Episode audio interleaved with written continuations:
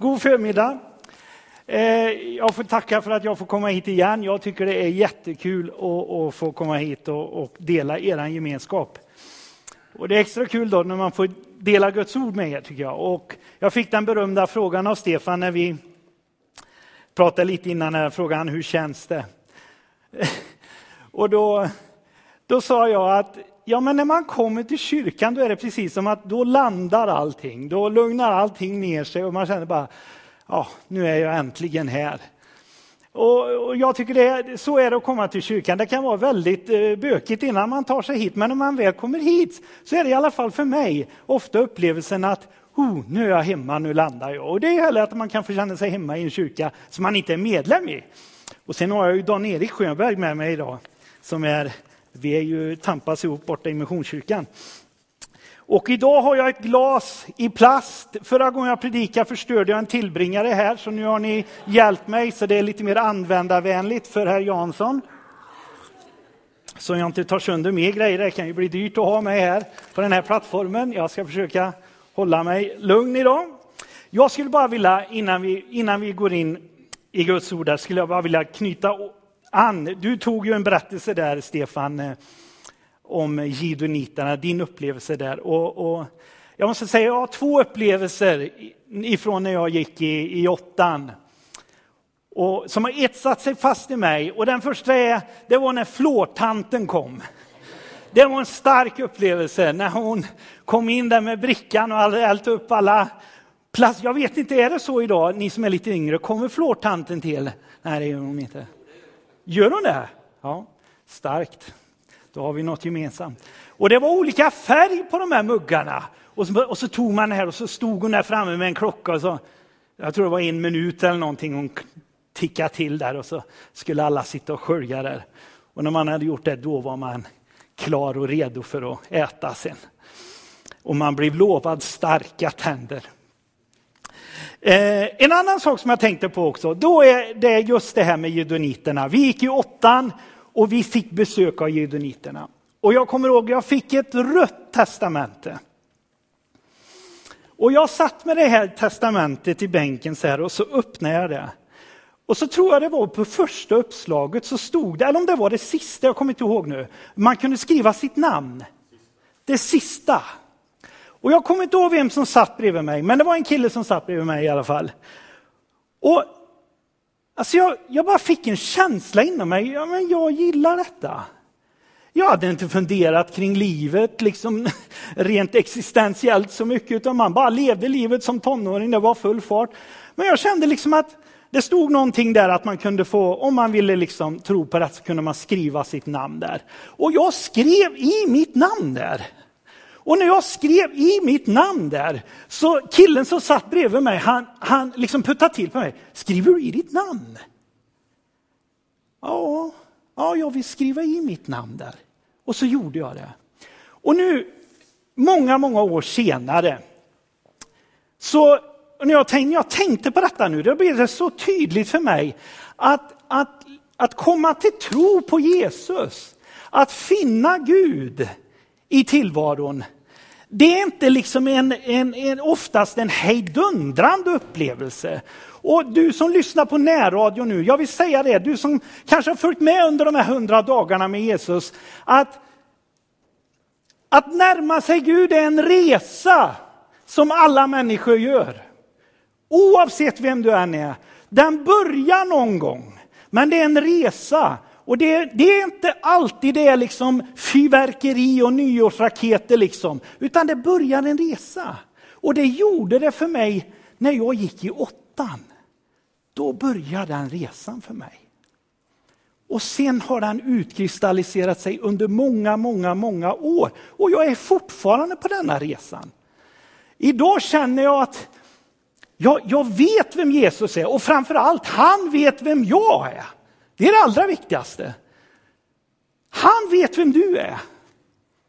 Och, och detta är en process. Och nu är det så här att ni har ju haft nu den här kampanjen eller serien här nu i Pingstkyrkan under våren här med hundra dagar med Jesus. Och, och då tycker jag det är så bra som det handlar idag om vardagskraft. Vem vill inte ha vardagskraft? Jag tänkte på det, när, jag tänkte Mag, eller Stefan skulle fråga mig, vad, vad, vad tycker du är vardagskraft Magnus? Och då tänkte jag ut så finurligt, ja det är ju att ha bra bredbandsberedd till datorn hemma på nätverket. Eller när du börjar prata om sjön där att, ja men det är ju att uppgradera min motor. Jag har ju en 50 hästars four stroke Suzuki. Hade ju varit härligt att ha haft en 115 hästare. Men det är inte det det handlar om, utan vardagskraft för mig då, om jag hade fått den frågan, så hade jag ju sagt att vardagskraft för mig, det är på något sätt vetskapen om att han som känner mig och som jag har lärt känna, han har lovat att han ska aldrig överge mig. Han ska alltid vara med mig. Oavsett vad jag går igenom. Det kan vara höga dalar och, och djupa djupa, höga dalar, vad säger jag? Höga höjder och djupa dalar. Det, jag såg att ni tittade till det, lite bra att ni hjälper mig. Alltså, liksom, oavsett var jag befinner mig på den här skalan så vet jag att han är med mig. Och det är vardagskraft för mig. Nu är det ju så här att idag kan man ju köpa sig vardagskraft i form av rutavdrag eller vad det heter. En del de köper städtjänst för att de ska slippa städa och ägna den tiden åt att skaffa sig lite vardagskraft. Men det är inte alla som har den förutsättningen att kan köpa sig den här vardagskraften. Men det är inte det jag vill prata om idag. Idag vill jag prata om en vardagskraft som är för alla människor. Som är tillgänglig för var och en. Ska vi, har ni Bibeln med er? Ta fram den och så slår ni upp kapitel 7 i Johannes evangeliet.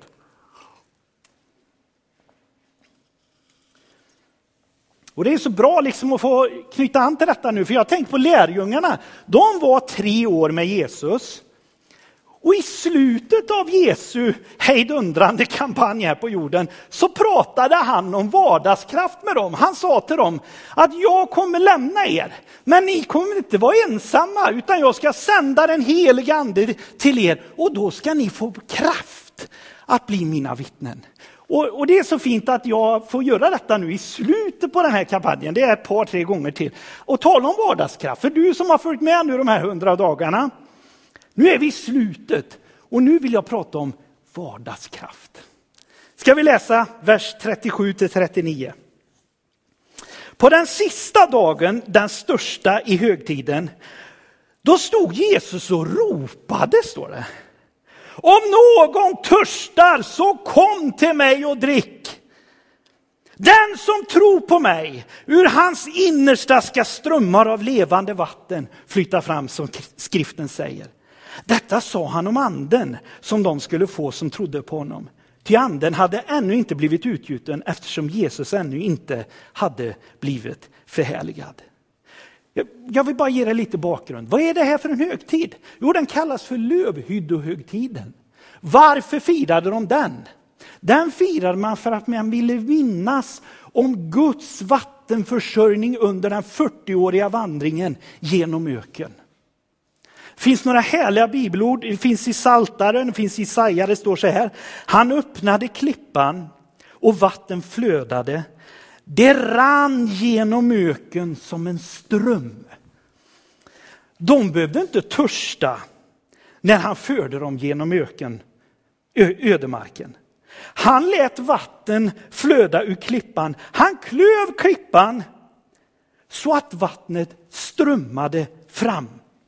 Alltså, det här, det här berättar om att när Israels barn, när Gud ledde dem genom öknen i dessa 40 år, så rann det bokstavligt en ström.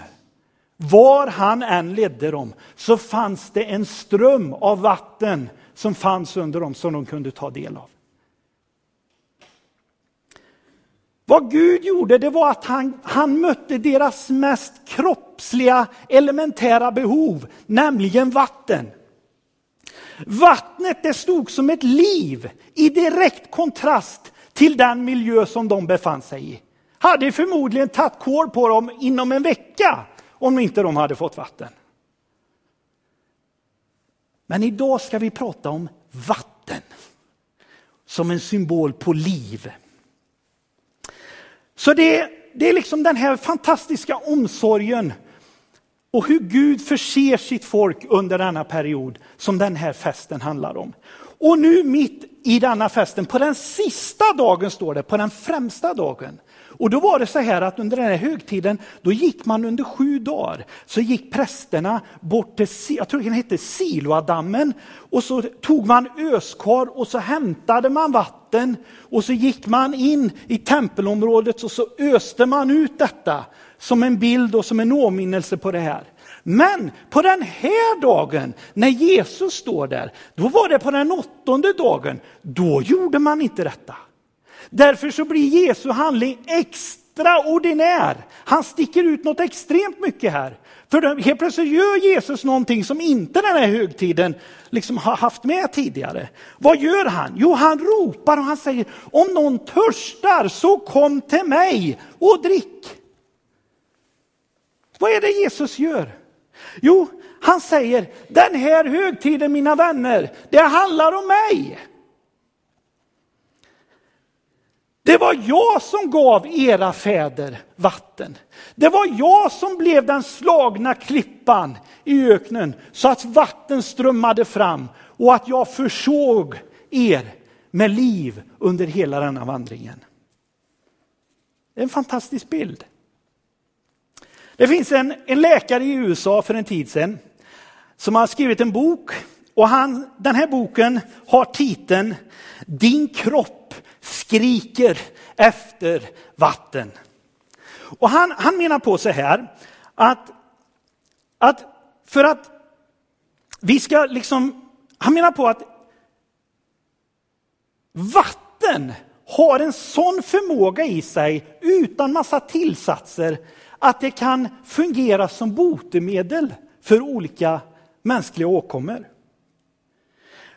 Han inleder boken med att säga, behandla inte törst med läkemedel. Och han säger ofta tillför man andra substanser när det egentligen handlar om vattenbrist. Han menar att behandlingen av många sjukdomstillstånd är helt bakvänd och bara förvärrar situationen eller tillståndet. Och han säger om nu kroppen så desperat försöker behålla vatten, då är det inte särskilt smart att tillföra vätskedrivande medel. Vart ska du komma med detta tänker du? Ja, det undrar jag med. Jag vill använda den bilden för det som vi ska prata om idag. Jesus han sa så här, om någon törstar, det blir en väldig tröst för mig och det blir en tröst för var och en som hör det tror jag. Vem är någon? Vem, är no Vem som helst. Alla människor kvalificerar sig inom ramen för någon. Jesus adresserar alla människor där.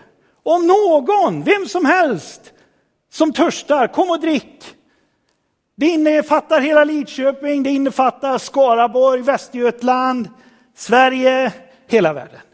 Om någon törstar så kom och drick, säger han. Det är djupt. Alla människor törstar. Jag tror alla människor har en törst. Vi har en törst kroppsligt, vi har en törst själsligt och vi har också en törst andligt sett. Och jag tänker så här att det är precis som Gud har skapat människan med förmågan att liksom, alltså det står ju på ställen i Bibeln att vi beskrivs som kärl. Det känner vi till. Men det är precis som Gud har skapat oss med förmågan att vi kan kunna bära någonting inom oss. Och det är det jag vill komma åt idag. Vad är det Gud vill att du och jag ska vara bärare av? Jag tror att människan är skapad för att kunna bära Guds liv inom sig. Det är det Jesus pålyser här när han står och ropar. Om någon törstar så kom till mig och drick, säger han. Kom till mig och få liv. För du är skapad, du är ämnad som människa att vara en bärare av detta livet. Det finns ett väldigt ställ, intressant ställe i, i en bok i Gamla Testamentet som heter Predikaren. Och där står det så här att Gud har lagt evigheten i människors hjärtan. Alltså det säger för mig att det finns ett djup i människan som är oerhört. Jag tror det är ett sånt djup så att man kommer inte underfund med det under en hel livstid. Och jag tror att detta djupet är det som också skapar törsten hos människan. Och detta djupet vill Gud fylla. Och jag tror att människor i allmänhet, eftersom det står det, att Gud har lagt evigheten i människors hjärtan, så tror jag om människor stannade upp i sin tillvaro, så tror jag att man, om man börjar reflektera, så tror jag att man kommer erfara och förstå att det finns ett djup i mig, det finns någonting mer inom mig som jag är ämnad för. Men väldigt, väldigt många vet inte detta. Vissa försöker eh, fylla det med, eh, med karriär. Alltså på något sätt att skapa sig en identitet. Man försöker fylla det med pengar för att liksom skapa trygghet runt sig. Man försöker vara någon för att liksom få en identitet. Eller så köper man grejer, materiella ting, för att liksom tillgodose liksom en, en njutning som man vill ha. Och jag vill säga detta, det här är grundläggande behov hos alla människor, fullt legitima. Jag tror att Gud har skapat varje människa med de här behoven. Behov av att ha en mening med sitt liv, behov av att ha en identitet, behov av att ha trygghet och behov av njutning.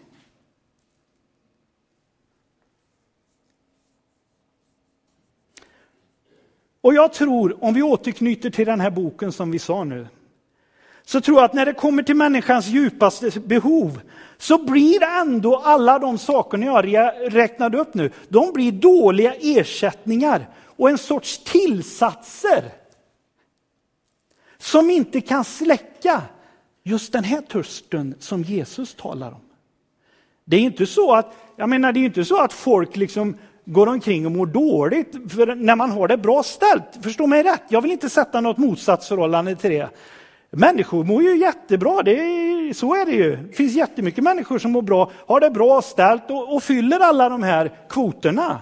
Men när det gäller att släcka den törsten som Jesus pratar om så får man inte sätta vagnen framför hästen. Utan man måste tillgodose sig det vattnet som Jesus talar om. Och jag tänker så här. Utan Gud i våra liv så blir vi någon form av ekande brunnar. Och du, du, går genom livet, du stöter på saker och ting och du ställer dig frågor. och Kanske de mest elementära frågorna människor har. Vem är jag? Varför är jag här? Vad är meningen med mitt liv?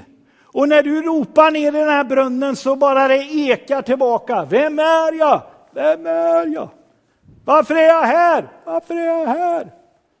Vad är meningen med liv? Vad är meningen med mitt liv? Det finns inget gensvar. Och alla de här sakerna som jag räknar upp som är behov, som jag tror Gud har skapat oss med, de kan inte fylla det mest djupaste behovet hos människan. Att få del av hans liv, att få gemenskap med Gud igen. Men de är härliga, de fyller en funktion. Men som jag sa, det måste komma i rätt ordning. Det är ju så här att Bibeln beskriver ju synd nästan som, som en sjukdom och att det skiljer människan ifrån Gud. Och låt oss kalla det nu då, för att knyta an till den här boken som jag nämnde, låt oss kalla det för vattenbrist. Och det kan inte botas med karriär, med pengar, med att bli någon. Eller att köpa saker och ting. Det, det går inte. Jag menar, har du huvudvärk på sommaren så spelar det ingen roll om du går ner och köper en ny kostym eller en ny dator eller ja, vad det än är, eller en ny båt med 115 hästar snurra med Mikor tillverkad här i stan. Det spelar ingen roll, din huvudvärk kommer inte gå över ändå. Vad du måste göra det är att gå till kranen, spola upp ett glas vatten och dricka.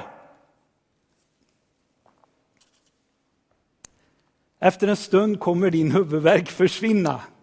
Varför? Jo, för vatten har i sig en otrolig förmåga.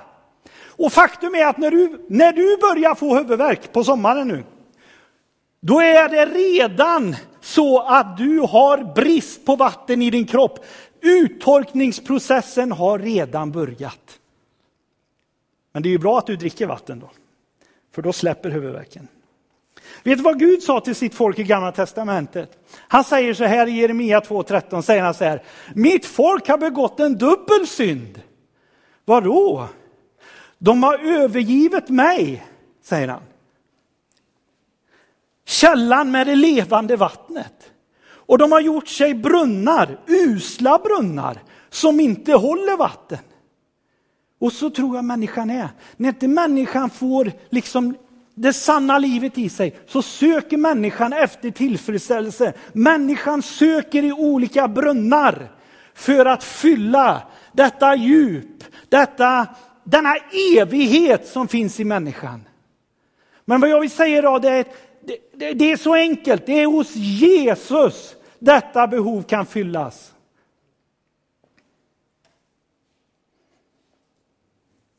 Hur gärna vi än vill så har vi inte själva i oss förmågan att släcka denna törst. Alla mänskliga försök att släcka denna törsten blir just som usla brunnar som inte kan behålla detta vattnet. Jag har erfarit detta, du har erfarit det som har varit kristen länge. Du har erfarit det levande vattnet. Sen har andra saker kommit in och tagit över handen och försökt säga det är det här som gäller, det här kommer ge ny styrka och kraft till dig, nu kommer du bli glad. Och efter ett tag så kommer du känna, nej, det här klarar inte att hålla det här vattnet. Det finns ju någonting som sinar ut ur mitt liv. Båt i all ära, kolla sö i all ära, alla skärgårdar är härligt, det är fantastiskt. Men jag lovar dig, det klarar inte att hålla livet med Gud i schack. Utan det gör man genom att komma till honom. och Dela gemenskap med honom. Dela gemenskap i en kyrka som denna. Då har man del av det livet. Bibeln säger det, överge inte era sammankomster. Ja, men det där låter lagiskt. Ja, du får tycka vad du vill, men jag måste hålla med om det som kristen, med min kristna erfarenhet. När jag kommer till kyrkan, då känns det bra.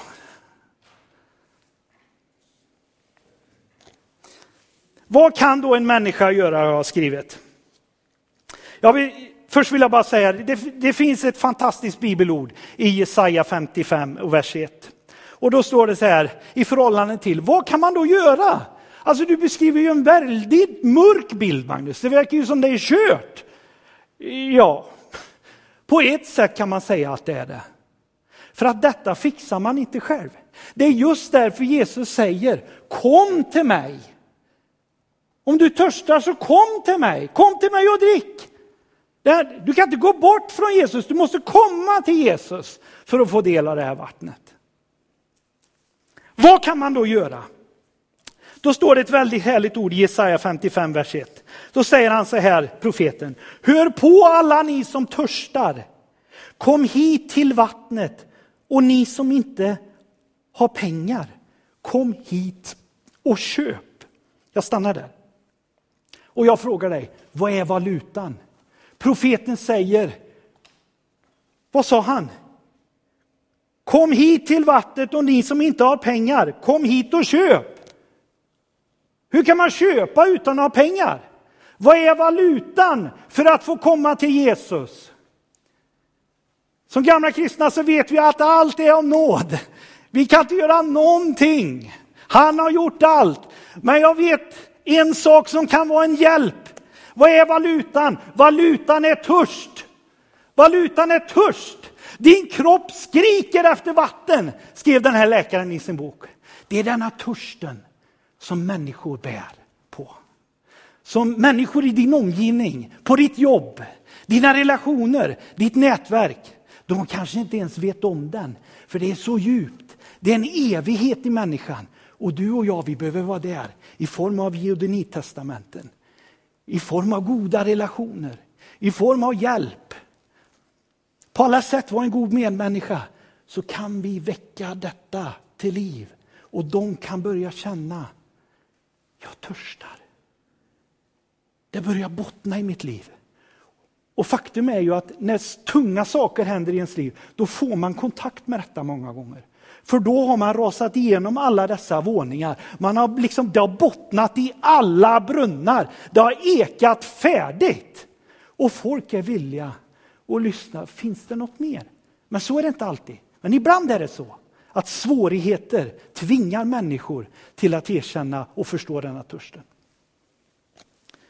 Vad kan man då göra? Jo, Jesus säger kom till mig och drick. Och då tänker jag, hur dricker jag då? Om jag nu inte känner Jesus, om jag nu är helt ny inför detta och jag står och jag läser och jag hör Jesus säga kom till mig och drick. Hur dricker jag? Jo, titta på nästa vers. Tro på mig. Det är så man dricker av Jesus. Man tror på Jesus. Och tro är ett viljebeslut. Jag bestämmer mig. Jag vill tro på Jesus. Det är alltid ett viljebeslut. Sen kommer känslorna i efterhand. Men när man hör berättelsen om Jesus, när man hör någon prata om Guds kärlek, så kan den börja spira inom en och man börjar förstå. Ja, men jag, jag, jag vill nog detta. Precis som i Fredriksdalsskolan, i klassen där i åttan. Jag öppnade det testamentet, de hade pratat, judeniterna. Och jag kände, nej men jag vill detta. Och en resa började.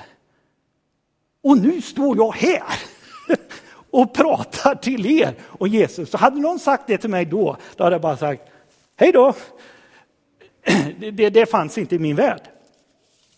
Ja, vad är det som händer då? Jo, när man tar till sig Jesus, då säger han att det börjar strömma levande vatten ur ditt innersta. Och han säger att detta är den heliga ande.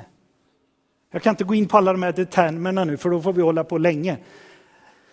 Men vi sa ju det att Jesus han lämnade ju inte lärjungarna ensamma, utan han sa att det kommer en hjälpare. Det kommer en annan som ska hjälpa er när jag är borta, när jag går upp till Fadern. Och det var den helige Ande. Det var det livgivande vattnet, det var strömmarna.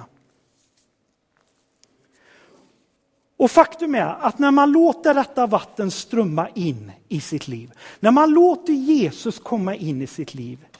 Om du nu har karriär, pengar, identitet och, och, och, och mycket ägodelar. Så faktum är att när man kommer till Jesus så säger inte Jesus, ja nu får du nog ta och sälja den här fina båten Stefan, det går inte förstår du, du kommer ju sticka i ögon på människor. Inte alls.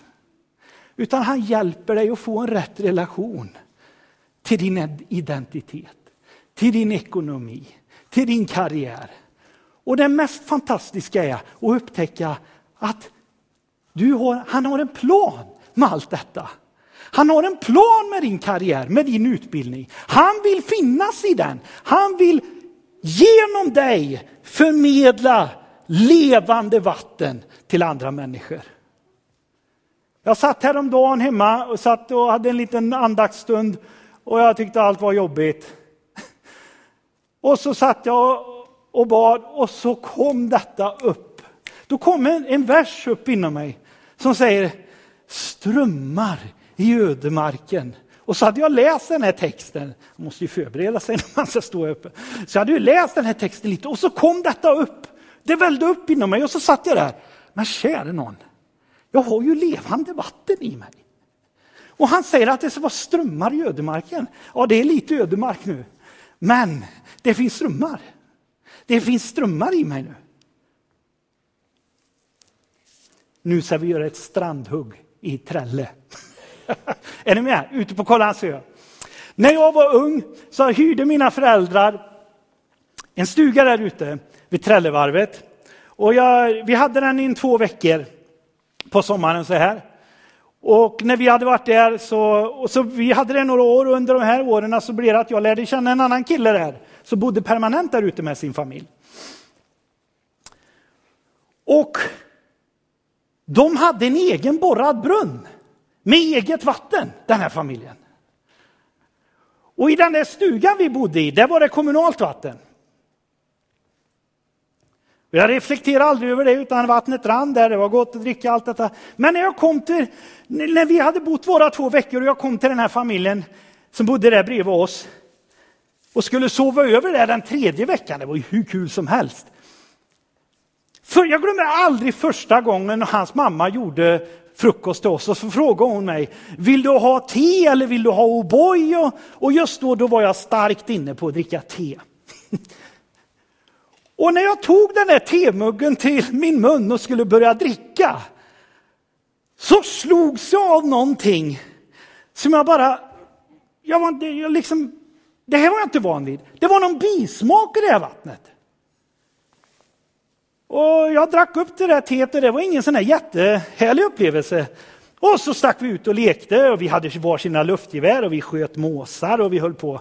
Det var, det var inte så snällt men det var ganska kul när man var i den åldern. Och, och så hade vi varit ute och så var man varm och så kom hans mamma ut och så med stor saftbricka, bullar och kakor och ställde ner den på bordet och jag sprang fram till det här bordet. Och så kom jag till bordet så fick jag se saften. Ja, just det. Och så tog jag det här vattnet, den här saften och så drack jag samma upplevelse igen. Och så skulle vi äta middag. Samma smak i potaterna, de var ju kokta i vatten.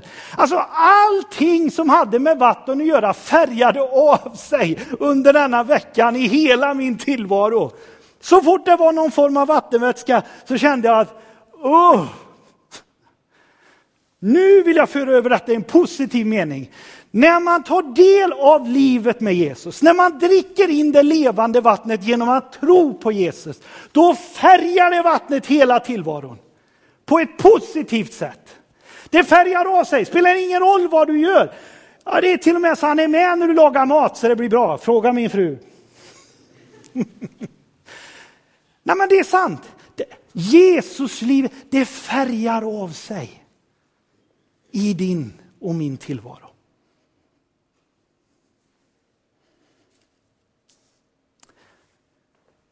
Men vad innebär detta nu då, liksom om jag nu då, om du som lyssnar på radion känner, ja men jag skulle vilja börja tro på Jesus. Och du tänker, är det en sån här hejdundrande upplevelse? Nej, det är inte alltid det behöver vara det. Det börjar en resa. Det betyder inte att alla dina problem blir lösta. Det betyder inte att allt på en gång ställs till rätta. Vad det betyder, det är just att den här källan får liksom plats i ditt liv och den kommer börja färga av sig på hela din tillvaro. Först och främst på ditt personliga liv. Men det här källsprånget kommer också börja rinna ut och färga av sig på människor i din omgivning. Jag vill, det sista nu så vill jag bara läsa ett bibelord och det är det här bibelordet som kom till mig när jag satt den här dagen och tyckte att det var lite deppigt. Och det är från Jesaja 58 och 11. Och jag vill säga till dig som är kristen, alltså man kan ju hamna i tillfällen i livet där inte allting är liksom så high life. Precis som för mig där. Och då kom det just det där, strömmar i ödemarken. Och jag kände igen det där ordet så jag tog bibeln och så gick jag, slog jag upp och så kom jag till det här. Jesaja 58.11. Och Herren ska alltid leda dig. Han ska mätta dig mitt i ödemarken. Han ska ge styrka åt benen i din kropp. Du ska vara som en vattenrik trädgård och likna ett källsprång vars vatten aldrig tryter. Ta till dig det, du som har vandrat med Jesus länge och känner att det är, det är lite torrt nu. Vet du vad Paulus sa till sina medkristna? Jag vill väcka er genom mina påminnelser. Det var precis vad Gud gjorde den dagen. Han väckte mig till liv med det där ordet. Och det vill jag göra med dig här idag. Du som lyssnar på närradion. Jag vill väcka dig med den påminnelsen. Att han leder dig. Ja, men det känns inte så. Jag vet inte hur jag ska göra. Jag har jobbigt på jobbet och vi ska ta massa jobbiga beslut. Vad ska jag göra? Han leder dig. Han leder dig. Han mättar dig, och det är häftigt, mitt i ödemarken. Han mättar dig mitt i ödemarken där det är torrt, där det inte har några förutsättningar för att hitta mat. Där mättar han dig. Och han ger styrka åt benen i din kropp. Det är härligt för de som är når en, har nått en högre ålder. Han ger styrka åt benen i din kropp. Jag tror det är fysiskt. Och du ska vara som en vattenrik trädgård. När du lämnar den här gudstjänsten här idag nu, så ta den bilden till dig.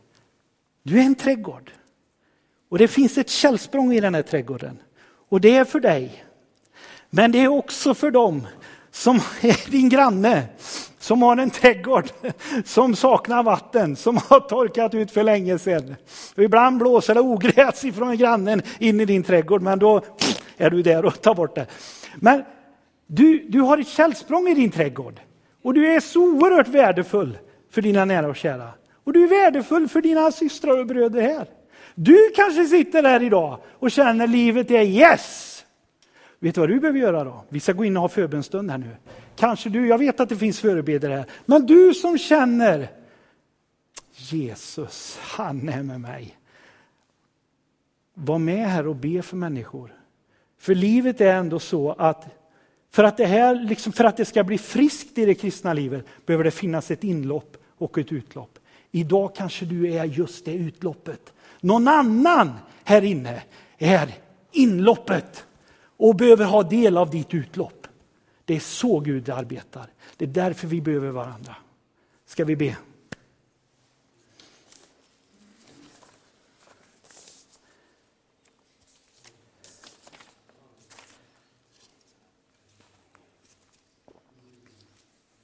Herre Jesus, vi tackar dig för att du är så ofantligt god.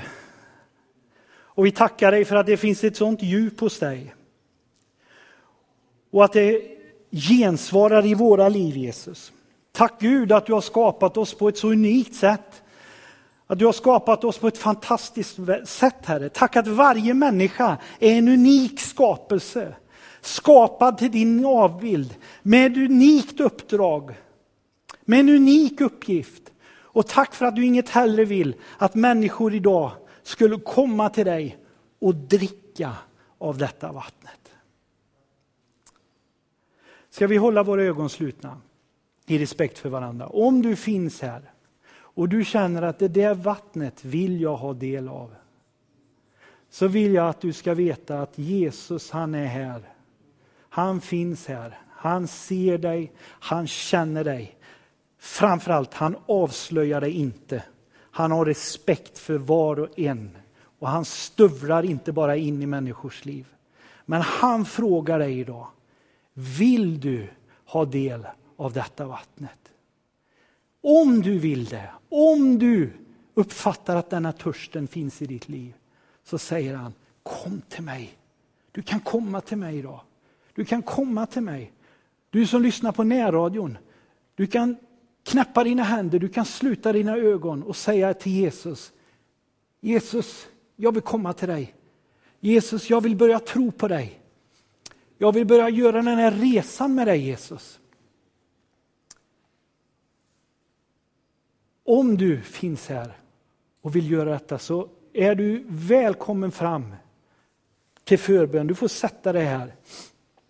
Jag vill inte peka ut någon utan jag, jag är så medveten om detta i mitt eget liv. Att livet med Gud är en, är en sån process. Och den kan få börja idag med dig. Den kanske redan har börjat. Och till dig som redan är en del av den här gemenskapen och har trott på Jesus länge och känner att jag behöver ett nytt inlopp. Kom och ta del av dina syskons hjälp. Vi kommer har förebedjare här framme som hjälper dig och ber. Och du känner dem säkert, så är det. Vi är en familj. Men det finns inget vackrare än när en människa kan erkänna jag har ett behov. Det behöver bli fyllt och det kan bli fyllt i den här gemenskapen.